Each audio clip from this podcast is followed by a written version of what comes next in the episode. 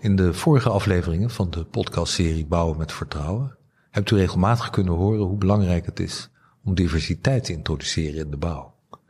In deze zestiende aflevering van de podcastserie Bouwen met Vertrouwen praat ik met Daan Berger.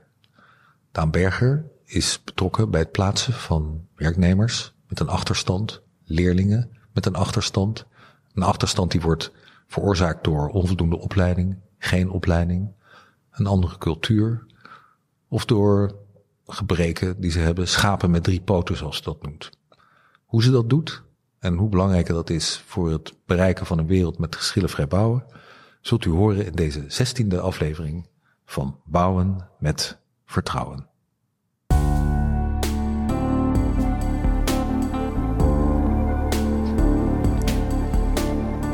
Welkom bij Bouwen met Vertrouwen, de podcastserie van Presolve, het expertisecentrum voor geschillenvrij bouwen. Mijn naam is Arend van Massenaar en vandaag, in onze zestiende aflevering, spreek ik met Danielle Berger. Behalve programmeur van de Haagse Spot, en dat is een starterspodium voor cabaretiers en kleinkunstenaars, is zij onder de vleugels van Zonadvies nauw betrokken bij het zekerstellen van diversiteit op de werkvloer. En diversiteit, zo hoorden we bij een aantal van de vorige afleveringen van deze podcast, is een absolute randvoorwaarde voor geschillenvrij bouwen. Vandaag praten we niet over het vermijden van geschillen tussen aannemer en opdrachtgever. Vandaag gaat het over lange en korte termijn effecten van de inzet van diversiteit op de werkvloer, op het project zelf, op alle betrokkenen daarbij, op de omgeving, de maatschappij. Hoe Danielle dat doet, wat daarbij speelt en wat voor effecten dat heeft, Daarover ga ik het vandaag met haar hebben. Welkom, Danielle. Dankjewel, Arend. Wat fijn om hier te zijn. Of, of, mag ik trouwens Daan zeggen? Jij mag zeker Daan zeggen. Dat ga ik gewoon doen. Hey Daan, ik ben hartstikke benieuwd naar je verhaal. Wat heeft diversiteit op de werkvloer nou met geschillenvrij bouwen te maken? En wat is het effect van het inzetten van mensen met een afstand tot de arbeidsmarkt of leerlingen van allerlei plamage op bouwprojecten, op de omgeving, op de maatschappij, op het project? Hoe belangrijk is dat? Maar vertel eerst iets over jezelf. um, nou, um, ik ben 53 jaar, woonachtig in het mooie Scheveningen. Ik eh, ben geboren in Enschede en getogen in uh, Zevenaar. Jou uh, wel bekend van de Betuwe-lijn. Ja, de Betuwe-lijn en van de Turmak en de Gimborn. Ook, ja, ja, dat is helemaal waar. Ja, ik, ik ruik het nog als, je, als ik eraan denk. Um, ja, um, eigenlijk een doorsnee gezin. Mijn vader werkte bij een uh, staalconstructiebedrijf en uh, mijn moeder was huisvrouw. En ik ben uh, naar de Arnhem naar school gegaan, naar de MEAO en een blauwe maandag op de HEAO gezeten. Arnhem. In Arnhem. En toen ben ik op mijn negentiende naar Parijs vertrokken en kwam daar in de verzekeringen terecht. En toen ik na zes jaar weer terugkwam in, uh, in uh, Nederland, ben ik voor Nationale Nederlanden gaan werken als uh, accountmanager en bedrijfsadviseur. En toen ik dat 15 jaar heb gedaan, toen vond ik het welletjes. ik merkte dat in de verzekeringen ja, veel wantrouwen heerste. Ik zat natuurlijk vaak aan de kant van de beoordelaar. Ik zat altijd aan de kant van het nou ja, vingertje wijzen of iemand het wel of niet goed had gedaan. Ook best wel, wel, wel veel geschillen. Um, en toen ben ik onderwijswetenschappen gaan uh, studeren. Daar heb ik lang over gedaan. Uh, maar ik zocht een bijbaan eigenlijk. Eh, ik ben voor mezelf begonnen met zonadvies. En toen uh, mijn eerste opdracht als zelfstandige was een stichting voor allochtone vrouwen in Den Haag. En ehm, dat was een warm bad. Mooi. Ja. En, en wat, wat bracht dat warme bad? Nou, dat warme bad dat bracht dat, um, dat, ja, dat er ook nog een hele andere wereld schuil ging uh, achter die corporate wereld waar ik vandaan kwam. En uh, dat, daar, ja, dat de mensen op, uh, ja, op de werkvloer um, nou ja, vaak aan het worstelen waren op heel veel verschillende deelgebieden. Dus het gaat dan over sociale uitsluiting, ja lage opleiding, lage sociale economische status. Ja. Wonen in een achterbuurt, wonen in achterstandswijken, ja. Het waren dus mensen die niet over zeven vinkjes beschikten? Het bepaalt niet, nee. nee. Ik denk dat er zelfs mensen zijn um, die geen één vinkje hadden. nul vinkers. Nul vinkers, ja, ja. precies. Ja. Hey, maar Daan, en, um, nou ja, dat was toen en dat, dat is een soort bruggetje voor jou geworden om je te begeven op het gebied van opleidingen, onderwijskunde gedaan. Dat klopt. Ja, vertel. Nou ja, ik heb toch wel gemerkt dat een opleiding afronden voor deze mensen heel veel perspectief bood. Dus uh, ben ik gaan kijken naar uh, ja, waar zijn nou de krapteberoepen. En dat uh, blijkt de zorg en de bouw te zijn. Ah. Dus ik ben niet eens specifiek voor de bouw gegaan of voor de zorg. Maar dat is nou eenmaal wel daar waar de doelgroep vandaan komt. En ook daar waar de doelgroep vaak in terecht komt. Daar was markt. Daar was markt. Ja, Ja. enerzijds uh, voor mij, maar ook voor de doelgroep zelf. Ja. Ja. ja. Nou ja, in on- in onze vorige gesprekken die we hebben gehad, hebben we daar uitgebreid bij stilgestaan. En je hebt verteld over wat, wat voor moeite je soms moet doen om jouw leerlingen. En dat, nou ja, dat kunnen mensen zijn met allerlei achterstanden, begrijp ik. Of die, die, no- die echt social return moeten gaan leveren, zoals het dan heet. Mhm. ja. Eh, om die aan de man te krijgen of op projecten te krijgen. Zowel Ja. in de zorg als in de bouw. Vandaag gaat het bij ons over de bouw. En kan je wat Ja. verhalen, wat anekdotes misschien vertellen over wat, wat je daar allemaal tegenkomt? Ja, nou ja, het is vaak zo dat eh, projecten worden eh, bijvoorbeeld door een gemeente ingezet. Ehm, dan wordt er subsidie verstrekt of mag iemand met een behoud van een uitkering aan het werk. Maar de eh, uitvoer of de, de, de invulling daarvan, dus net zo goed als SROI hoor, maar eh, de- dus in eerste instantie. Ja, het zijn twee verschillende dingen SOI natuurlijk. is Social Return on Investment. Social return on investment. die dat niet weet. Ja, daar kom ik eh, zo nog wel heel even op. Dat, dus enerzijds zijn het subsidietrajecten, leerwerktrajecten met behoud van uitkering, eh, werkfit gemaakt worden. Ja? Daar zit subsidie op. Maar op de een of andere manier, zodra die subsidiepot leeg is, houdt zo'n werkfit traject op. Ja. Anderzijds heb je inderdaad projecten, eh, grote aanbestedingen waar SROI op zit. Mhm. Eh, social return on investment. Nou, ehm, Daar moet geleverd worden. Daar, moet, eh, daar wordt het opgelegd, maar wat, wat is het effect soms daarvan? Dat, dat als een grote aannemer of een kleinere aannemer ook, hè, geen, geen, niet weet hoe hij daar invulling aan moet geven, dan wordt het afgekocht bijvoorbeeld door eh, nou ja, het geld dan maar weg ja, te reserveren eigenlijk als een soort van verliespost of op andere manieren dat dan wel sociaal in te kopen via een sociale onderneming. Maar dat, neemt, dat, dat eh, lost het probleem van eh, krapte op die arbeidsmarkt enerzijds bij die ondernemer niet op. Nee. En ja, die diversiteit die, die komt niet tot stand op Nee. die werkvloer. Want hij blijft, het blijft altijd buiten die ondernemer. Precies. Dat is wel een probleem. Dus eigenlijk is het mooiste als, als die ondernemer dat zelf kan leveren. Je zou, dat is wel mijn insteek met Ja. mijn, mijn, mijn bedrijf Zonadvies. Om te zeggen van nee, ondernemer, maatschappelijk verantwoord ondernemen straalt af op jouw eigen onderneming, straalt af op de omgeving. Jij kan laten zien dat jij een sociale werkgever bent. Dus ja, het heeft eigenlijk alleen maar win-win. Precies. Win. Ja. Hey, en op de omgeving zeg je. Hoe, hoe bedoel je? Hoe straalt dat af op de omgeving? Ehm, nou, eh, bedoel je in een eh, bouwproject Ja, zelf? ja. Nou ja, goed. Bouwprojecten, eh, ik denk dat er genoeg voorbeelden voorhanden zijn. eh, dan zie je dat er altijd een hoop onrust ontstaat in een omgeving. Ehm, ja, ik vond zelf altijd Amare een mooi voorbeeld daarvan. Ik, ik kom natuurlijk uit Den Haag. Amare was ook een mooi langdurig project dat waar ja, alles en iedereen volgens mij eh, op voorhand al over elkaar heen buitelde. Eh, ik heb zelf ook nog een poging eh, gedaan om dat, daar een mee leerwerkproject mee te buitelen in een leerwerkproject. Ja. Door met een architect te gaan praten voordat ze dus daadwerkelijk met de bouw waren begonnen om aan te geven van laat ons nou meedenken in welke fase van het project jullie zitten, hè, zodat we op iedere fase van dat project mensen met een afstand tot de arbeidsmarkt kunnen inzetten. En niet inzetten met een ploegje in een keet, eh, ja, zeg maar afgeschermd van de rest van het team, Ja. maar gewoon in het team. Het klasje, zeg maar. Ja, maar, ja, Ja. want dan krijg je een klasje inderdaad. Ja. Maar ik ben niet zo'n voorstander van een klasje. Want eh, dan, de, de mensen die het doen, waar ik al vertelde, die, die hebben al niet een hele fijne schoolervaring gehad. eh, hebben daar ook een hekel aan, willen dat eigenlijk ook niet. Die willen er gewoon bij horen. Ja. En het zijn vaak de mensen die, eh, ja, in het weekend eh, tegen de gevel aan staan te piezen als ze de kroeg ingaan. Hè? En, maar dat eh, zullen ze misschien niet meer doen als ze er zelf aan gebouwd hebben. nou, ik wou net zeggen, dat is natuurlijk het mooiste als zij zelf aan zo'n gebouw hebben meegewerkt. Precies.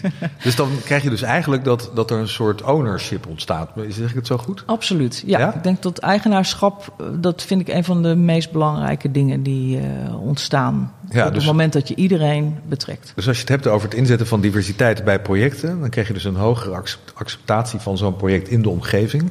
Gesteld dat inderdaad die betrokken nulvinkers uit die omgeving ook komen, of ze daartoe verhouden, of daar af en toe wel eens een keer Ja. komen. Dat, dat is natuurlijk wel vaak zo, want die nulvinkers hebben vaak ook geen eh, rijbewijs. Daar Nee. hebben ze geld niet voor. Nee, dus het-. Dus die moeten met de fiets. Ja. als ze al kunnen fietsen. Want Ja. ook dat is best wel eens een probleem, als ze al een fiets hebben. Als ze al iets hebben. En eh, zo hebben we ook wel met de fietsenprojecten gezorgd dat ze een fiets hadden. Wat mooi zeg. En, ehm, maar dat ze dus inderdaad ook naar dat project toekomen en dat ze daaruit ja, uit de buurt komen. Dus Ja. hoe- dat is in alle opzichten makkelijker. En ook, eh, ja, ook weer, ik heb wel eens een mevrouw gehad die dan uit haar raam keek en die, ja, de jongeren die bij wijze van spreken in het weekend nog fikkie aan het stoken waren, die waren nu in één keer eh, lekker met de bouwkeet, eh, bij de bouwkeet Gerespecteerde onderdelen van het hele project. Ja, dat, Mooi. de- hun huis aan het opknappen, hun eigen huizen ook aan het opknappen. Ja. Ja. ja, want daar heb je me ook iets over verteld, hè? Iets Ja, met portieken. Ja, Pimpje Portiek. Ja, nou, Pimpje Portiek. Ehm, dat is ook een leerwerktraject geweest, eigenlijk een werkfit-traject. eh, een samenwerking van de gemeente Den Haag eh, met een opdrachtgever waar ik in der tijd voor heb gewerkt.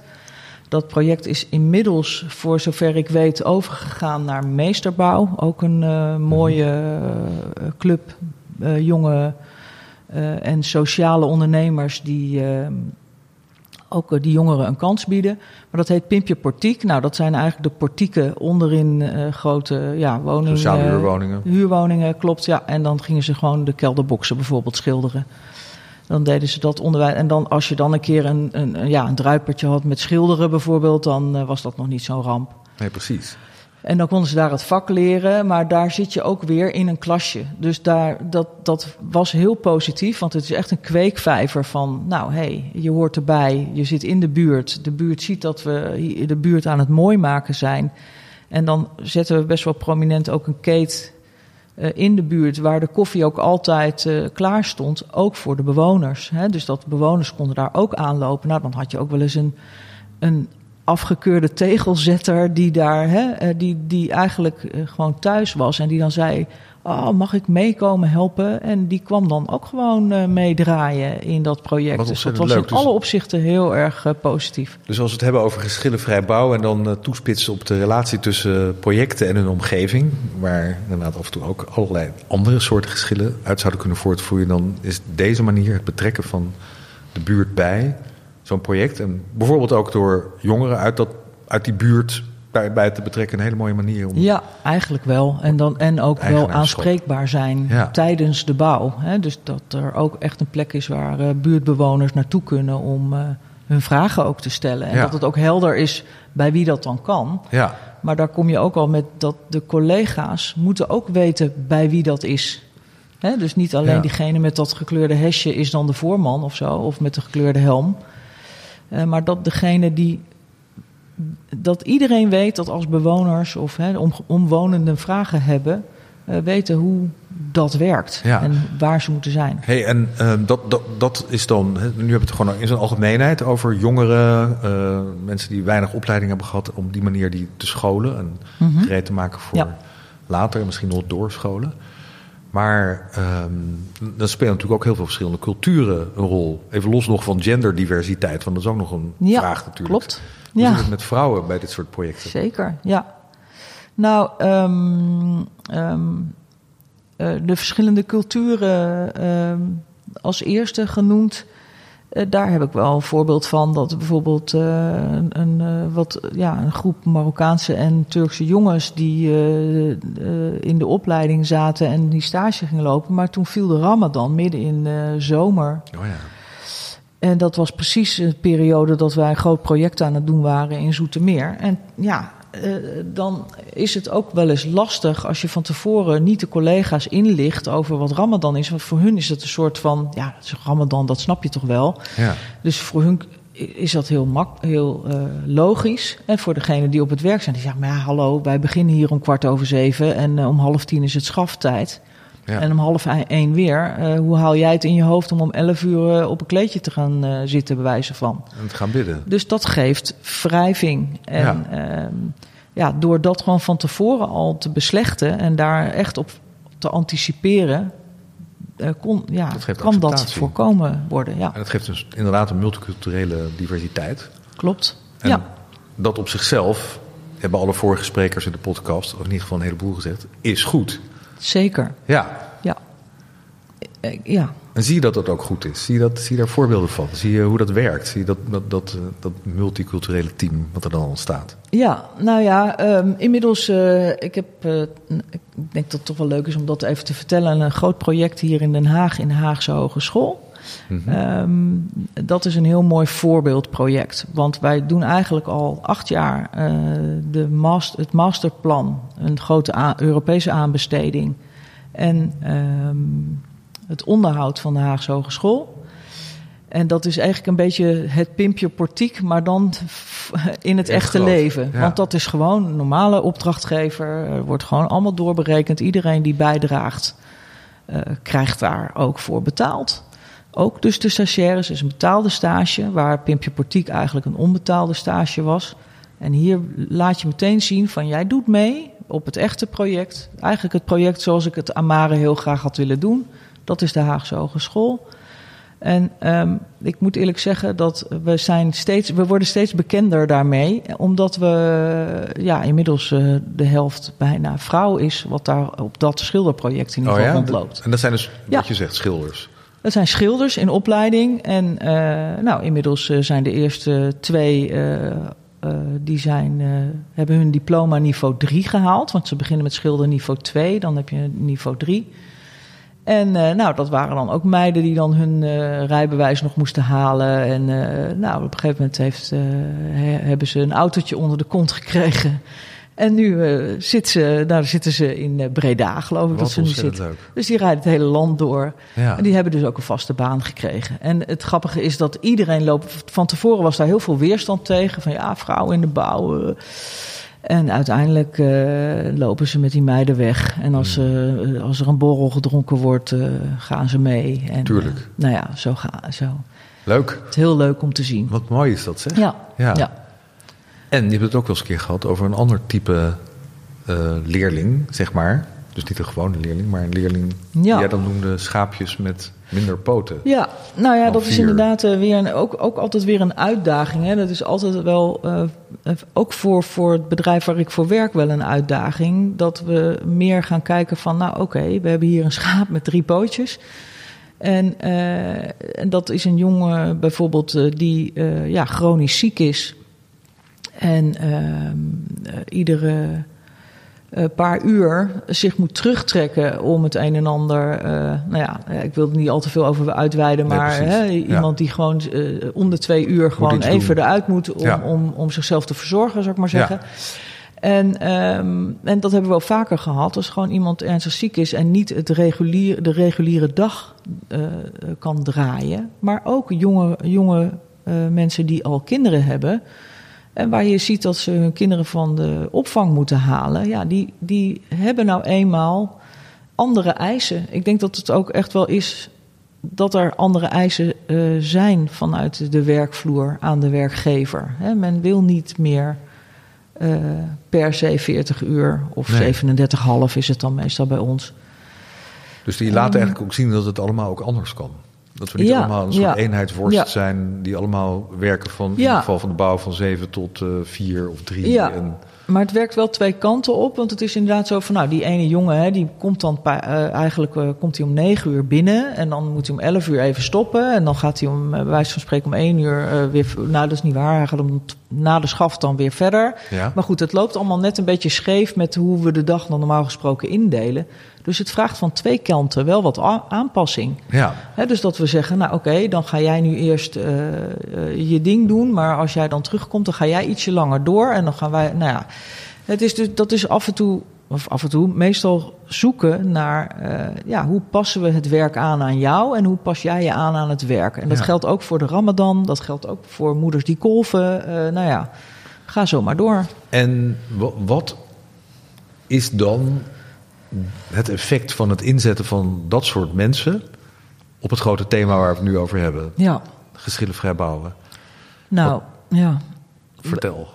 Ik kan het het beste misschien illustreren met een voorbeeld, wat me dan nu ook te binnen schiet. Eh, eh, Op een bepaald moment komt de uitvoerder van een andere onderaannemer naar mij toe. En die zegt: Ik zie wat jij daar aan het doen bent. Kan ik een keer met jou praten? Want mijn zoon. En dan blijkt dus dat ook hè, op, in alle lagen van de ondernemingen eh, zijn natuurlijk mensen met kinderen met problemen of Ja. met familieleden. Maar Ja. het, zal, het zal je kind maar zijn. Dus, dus die, ja, zeg maar die eh, boodschap draagt het wel uit. Het zal je kind maar zijn. En wat mooi om te zien dat, dat het kind hier een kans krijgt. Ja, die inclusie, Ja. maar met een deftig woord eh, te zeggen. Ja, dus en ook een mooi inderdaad. voorbeeld. Ehm, ja, je kunt het eigenlijk zo gek niet bedenken. We hebben ook wel iemand gehad die heel erg eh, kerkelijk en gelovig was. En die vond het gewoon heel fijn om zijn vrouw mee te nemen. Nou, als je de bouw een beetje kent eh, van binnen. Ik zie je al lachen, Arend. Eh, ja, dan, dan moet je je afvragen of dat. Of mensen ja, hun partners zo, zomaar moeten meenemen. eh, Of we dat zomaar kunnen doen. Ja. Maar de- we hadden ook op een gegeven moment een, een eh, Tsjechische vrouw. En die, haar moeder die woonde in Tsjechië. En toen eh, eh, is ze ook op bezoek geweest. Wij laten gewoon aan de omgeving zien. eh, van kijk eens, eh, jouw kind heeft hier een toekomst gevonden. Of die heeft hier een toekomst in gekregen. Ja. Ik weet niet hoe dat bij jou vroeger was, Arend. Maar ik heb vroeger ook altijd bij mijn vader in het eh, bedrijf eh, mijn vakantiebaantje mogen hebben. En ik kwam daar ook als kind wel op Ja, kantoor. wel mooi. Ja, mijn vader was een. eh, Ik, ik ben een zevenvinker. Ja. En mijn vader had geen bedrijf. En, Ja. eh, die, eh, die was rechter. Mhm. Dus ik, kon af en toe wel over zijn schouder meekijken en nadenken over eh, zijn beslissingen die hij Ja. moest nemen. Maar je Maar- mag niet de supplementen in het wetboek stoppen. Dat, dat dan weer wel, de jurisprudentie Ja. bijhouden met kaartjes. Zeker, Ja. dat was een leuk dat soort dingen. Ja, Ja. precies. Ja. Nou, en ik vind eigenlijk dat hè, dus deze mensen hebben ook familie. En die vinden het ook wel spannend om te weten wat hun familieleden nou eigenlijk doen daar op het werk. En die betrokkenheid van ook de omgeving, ook omgeving van omwonenden, maar ook omgeving als gezin. Ja, waarom is papa altijd zo vroeg van huis? Of waarom? ja. Dus die, die inclusie in, in termen van acceptatie, In alle- het betrekken van allerlei buitengeslotenen, schapen met drie poten, die eh, dan niet een vierde pootje krijgen. Maar Ja, oh ja. was jouw. Ja, dat was mijn anekdote, ja. Ja. Dat ik zei van ja, tegenwoordig is het wel zo, het is moeilijker om aan mensen te komen. En eh, de mensen die we vinden, eh, ja, een bedrijf zoekt dan altijd het schaap met de vijf poten, had ik een keer aan jou verteld. en dus, dan, dan word ik altijd een beetje, een beetje boos of een beetje emo. En dan zeg ik, ja, ik heb geen schapen met vijf poten, ik heb alleen maar schapen met drie poten. En ik hoop dat ik die vierde er dan samen met jou aan kan eh, schroeven. Als ik dat, zeg, echt dan een heel erg mooi beeld. dan, dan kunnen we praten. Dan, Ja. eh, ja, En dat lukt dan ook? mm, ja, dat lukt in de. Nou, laat ik eerlijk zijn, het lukt ook heel vaak niet. Eh, als je bij mij eens op het project zou komen kijken, Arend, eh, dan hebben we een hele wand vol met eh, mensen die de revue zijn gepasseerd. En, maar dat zijn er toch al een, zo snel een stuk of tachtig, denk ik. Ja? Maar daar heeft natuurlijk niet iedereen een vaste baan. Er zijn ook mensen die gewoon heel wat anders zijn gaan doen. Maar ze staan wel, ja, de, de, de, de meerderheid is wel gewoon verder gekomen. Mooi. En ik zeg dan altijd, ik, ik loop een stukje met ze mee. Je loopt een stukje met ze mee. Ik loop een stukje met ze mee. En je houdt ze een heel klein beetje vast. Dat, eh, ja, dat is wel mijn valkuil, ja. Ik Ja. Heb, mijn hart ligt heel erg bij die doelgroep. Ja? Ehm, terwijl ik eigenlijk steeds zeg van ja, maar ik wil aan tafel voordat we die aanbesteding eh, gegund krijgen. Ik wil echt bij, ja, het liefst al in de conceptfase bij een project betrokken raken. Ja. En, want zo, zo, zo lever jij diversiteit eigenlijk. Mhm. Die diversiteit die zo hard nodig is om projecten succesvol te laten zijn. Ja, Ja, die, die teams eh, laat werken in samenspraak die zo verschrikkelijk divers zijn, dat ze daardoor gewoon goed zijn. Is dat het niet? Ja, dat is het. Maar ik denk dat als ik eerder bij zo'n project betrokken ben, dat, dat ik ook kan anticiperen op eh, ja, zeg maar die menselijke kant waar het ook op mis kan gaan. Zeg Ja. maar, hè. Dus dat projecten uitlopen, dat zijn natuurlijk allemaal van die eh, eh, ehm, dingen waar ondernemers, hè, we, aannemers bang voor zijn. Eh, maar als je van tevoren, denk ik, het risico inschat op de menselijke kant. En Ja. dus ook zegt van, nou oké, dan hebben we dus dan mensen nodig. Ja, maar als wij leerlingen eh, betrekken, dan moeten we wel zorgen dat we voor. eh, ehm, dat we dat of in, in september meteen kenbaar maken aan de scholen. Want dat is het start van het schooljaar. Ja, precies. Die planning bijvoorbeeld. Ja. Dus die planning is best wel, dat, dat luistert best nog wel nauw. En daar kan wel een hoop nog in ja, geleerd worden eigenlijk. ja.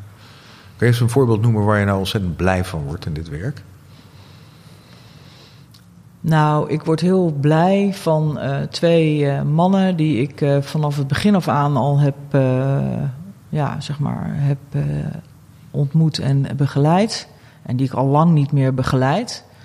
Maar waarvan, die allebei nu in de uitvoerdersopleiding zitten. Die echt, nou ja, laat ik zeggen, van ver kwamen. Eén was dakloos, ander zat bij de reclassering. Ehm, en hebben heel veel terugval gehad. En op een gegeven moment heb ik ook echt gezegd van... ik, ga, ik kan ze nu niet meer begeleiden. Eh, want op een gegeven moment moet het ook... eh, hè, ze staan op een gegeven moment ook een keer op hun drie poten, zal ik maar zeggen. Ja. En dan hinken ze maar even verder. Want tot hier eh, ja, reikt dan ook je, Jouw hulp. je hulp. Ehm, nou, er is er eentje die is heel actief op LinkedIn aan het promoten. Wat hij allemaal aan cursussen aan het doen is. En wat hij allemaal. Nou, daar, als je Oh, me dan mooi ergens blij mee maakt. Ja. Die jongen die heeft vroeger met eh vakka vakka op mijn eh, telefoon gestaan, dag en nacht.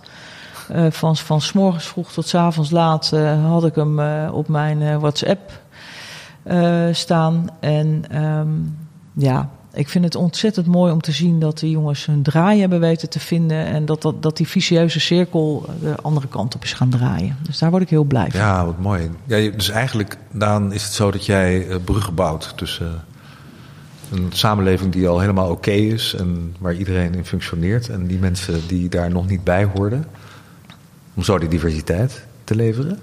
En zo aanvaardbaarheid van projecten en ownership en Ja, mensen weer terug te brengen in de maatschappij in over, de, over het bruggetje van de bouw. dat is mooi gezegd, Arend. Ja, ik probeer even samen te vatten wat jij allemaal aan mij zegt. En, en, en, en dat alles leidt dan dus tot ja, een samenleving waar meer rust is, meer comfort is, minder geschillen zijn, minder gedoe is. En ja, ik wil bijna zeggen waar iedereen van elkaar houdt. Nou ja, waar iedereen participeert, dat is natuurlijk wel een Dat beetje zo'n woord. Maar Ja. ja. ja, participatie, dat is meer dan alleen een papieren tijger. En Ja. SROI is dus ook meer dan een papieren tijger. Ja, En communicatie is al vaak gezegd, maar het gaat niet alleen om communicatie. Het gaat ook om community. En dat valt onder. Nou ja, dat lijkt een beetje op communicatie, maar dat is toch wel wezenlijk wat anders. dat is armen om elkaar heen. Ja, zeker. Het is samen. Samen. Mooi. Dankjewel, en iedereen Daan. doet mee. Heel erg veel dank. Ik vind dat een hele mooie afsluiter voor ons gesprek. We hebben, hebben ontzettend veel van geleerd. Ik al in ieder geval allemaal hele nieuwe begrippen, maar ook ja, wat ik net samenvatte. Dus dat ga ik niet nog een keer samenvatten. Dus dankjewel, Daan. Graag gedaan, Arend. Dank je wel. Nou, luisteraars, dit was dan aflevering 16 van Bouwen met Vertrouwen. De podcastserie van Presolve, het expertisecentrum voor geschillenvrij bouwen. Ik sprak met Danielle, die ik Daan mag noemen, Berger, uitvoerder mooie en grote bouwprojecten, uitvoerder van Social Return. En deze podcastserie, dames en heren, is te beluisteren via Apple en ook Spotify, waar je zich hierop kunt abonneren. We zien jullie heel graag terug bij een volgende aflevering.